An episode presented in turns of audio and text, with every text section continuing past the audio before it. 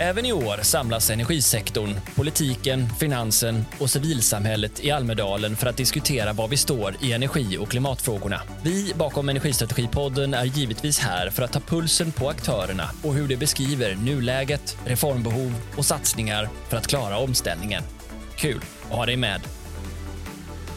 Åsa Pettersson, varmt välkommen till Energistrategipodden igen. Tack så hemskt mycket. Nu är vi ju inne på de sista skälvande timmarna av det som i alla fall är energidelen av Almedalen, även om det fortsätter imorgon. Och jag antar att du precis som jag har mött så många människor och varit på massvis med seminarier. Men om jag gör det enkelt för dig då, vad, top of mind nu när jag ställer frågan, vad är det som dyker upp som huvudsakliga intryck? Ja, men jag, det har varit väldigt konstruktiva diskussioner med mycket mer fokus på hur? Hur ska vi nu göra den här omställningen? Hur samlar vi oss? Eh, upplever jag stor skillnad från förra året. Eh, och ett ord som återkommer hela tiden är helhet. Eh, och även då, vem har egentligen ansvar för helheten?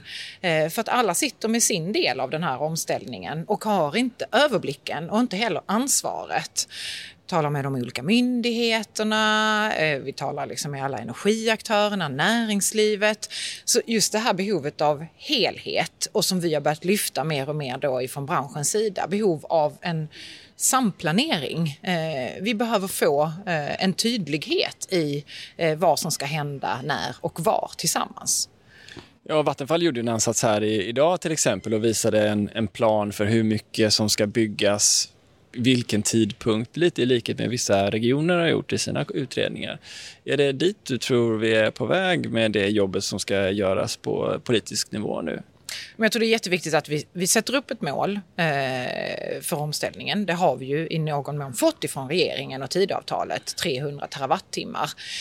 Sen tror jag att det är viktigt att vi inte eh, bara pratar om elbehovet när vi pratar om målet, utan vi behöver flytta fram hela berättelsen till varför gör vi det här?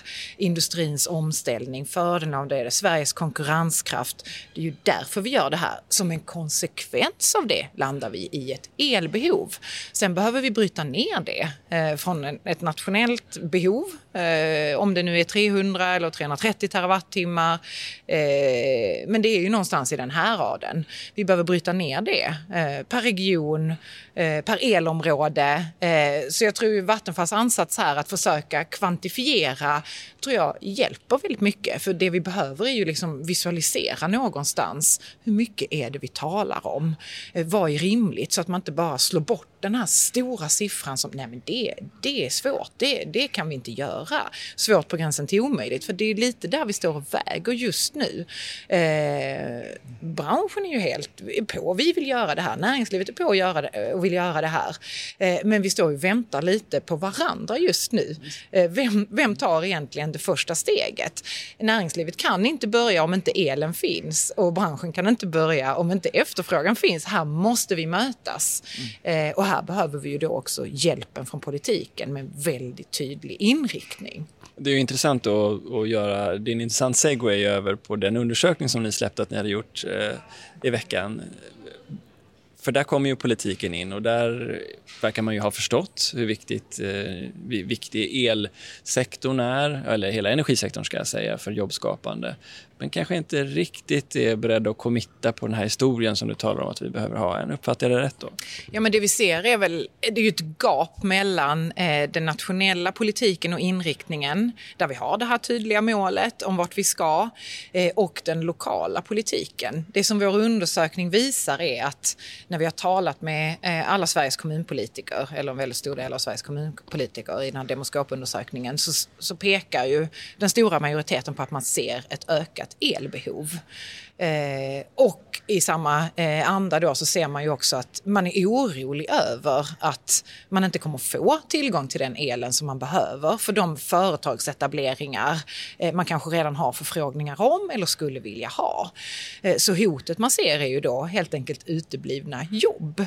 Eh, och samtidigt så ställer vi ju då frågan hur ser ni på eh, potentialen att bygga ut vindkraft i din kommun? Och då får vi ju en väldigt polariserad bild eh, där företrädare på lokal lokal nivå för eh, regeringspartierna är eh, negativt inställda till vindkraften, eh, mer positivt inställda om de får samma fråga om att bygga småskaliga modulära reaktorer, vilket ju inte riktigt finns på bordet att välja e-, ännu, men det kan ju finnas där såklart i framtiden.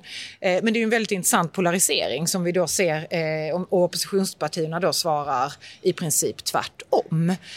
så även om vi börjar komma ifrån polariseringen och kraftslagsdebatten på nationell nivå där vi hör eh, ja, regeringsföreträdarna och oppositionen upprepa att vi behöver alla kraftslag, alla fossilfria kraftslag behövs. Så ser vi ju polariseringen på, på lokal nivå. Men här handlar det ju om, det är ju svåra utmaningar. Det handlar om acceptans och, eh, för hela energiomställningen. Mm. Ja, det låter som att det blir ett extra stort ansvar på den här lokala nivån. Kanske också för dina medlemmar att inkludera dem i den här berättelsen. Tolkar jag dig rätt då? Ja, och då är det ju återigen det här behovet av den gemensamma berättelsen och nyttorna som det får med sig när hela eh, Sverige ställer om.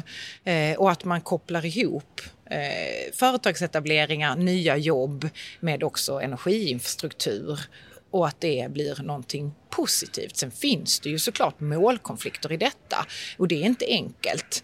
Men det är här politiken behöver staka ut en väldigt tydlig väg. Det vi behöver är ju sätta målet och sen bryta ner delmål och ha någon typ av eh, eh, milstolpar på vägen. Eh, om fem år vill vi se det här. Vi har ju, fick vi ju nyligen här liksom SKGs eh, uppskattning om elbehovet till 2030, 70 terawattimmar. Det är ju bråttom, det är ju här och nu. Eh, så vi behöver göra ett ryck. Mm det goda samtalet, konstruktivismen som du pratar om som du har haft här i Almedalen. Det är väldigt härligt att höra det, för det är nog just det vi behöver. Samtidigt så ser vi att spänningsytorna ökar. Det har vi också sett på scenen här, där det, vi kommer till vägs ände och det blir tydligt att saker och ting måste skjutas på. Och det, det skärper ju till allvaret i diskussionen också om hur vi får till den där tillitsfulla samverkan.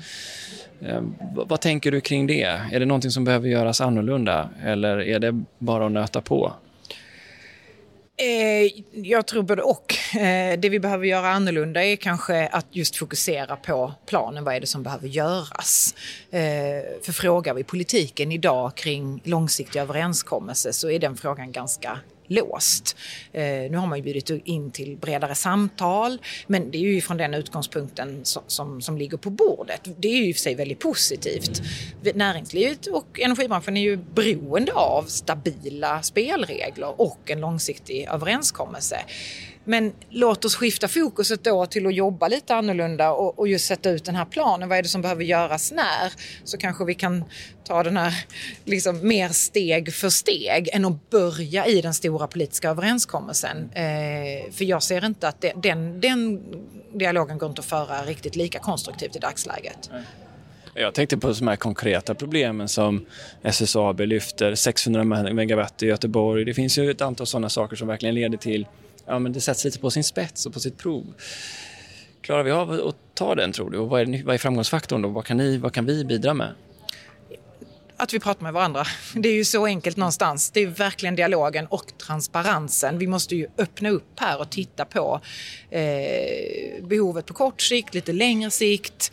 Eh, vad, vad, är den riktiga efterfrågan? Var finns det luft? Var finns det inte luft? Mm. Eh, och sen samtidigt planera för utbyggnad av både nät och produktion såklart. Men du kommer till nätet. då. En av de frågorna som inte har diskuterats här jättemycket men som ändå var en, kan man säga, en bomb som kom strax innan Almedalen var ju den om att Energimarknadsinspektionen går tillbaka till samma intäktsreglermodell som det var förra reglerperioden.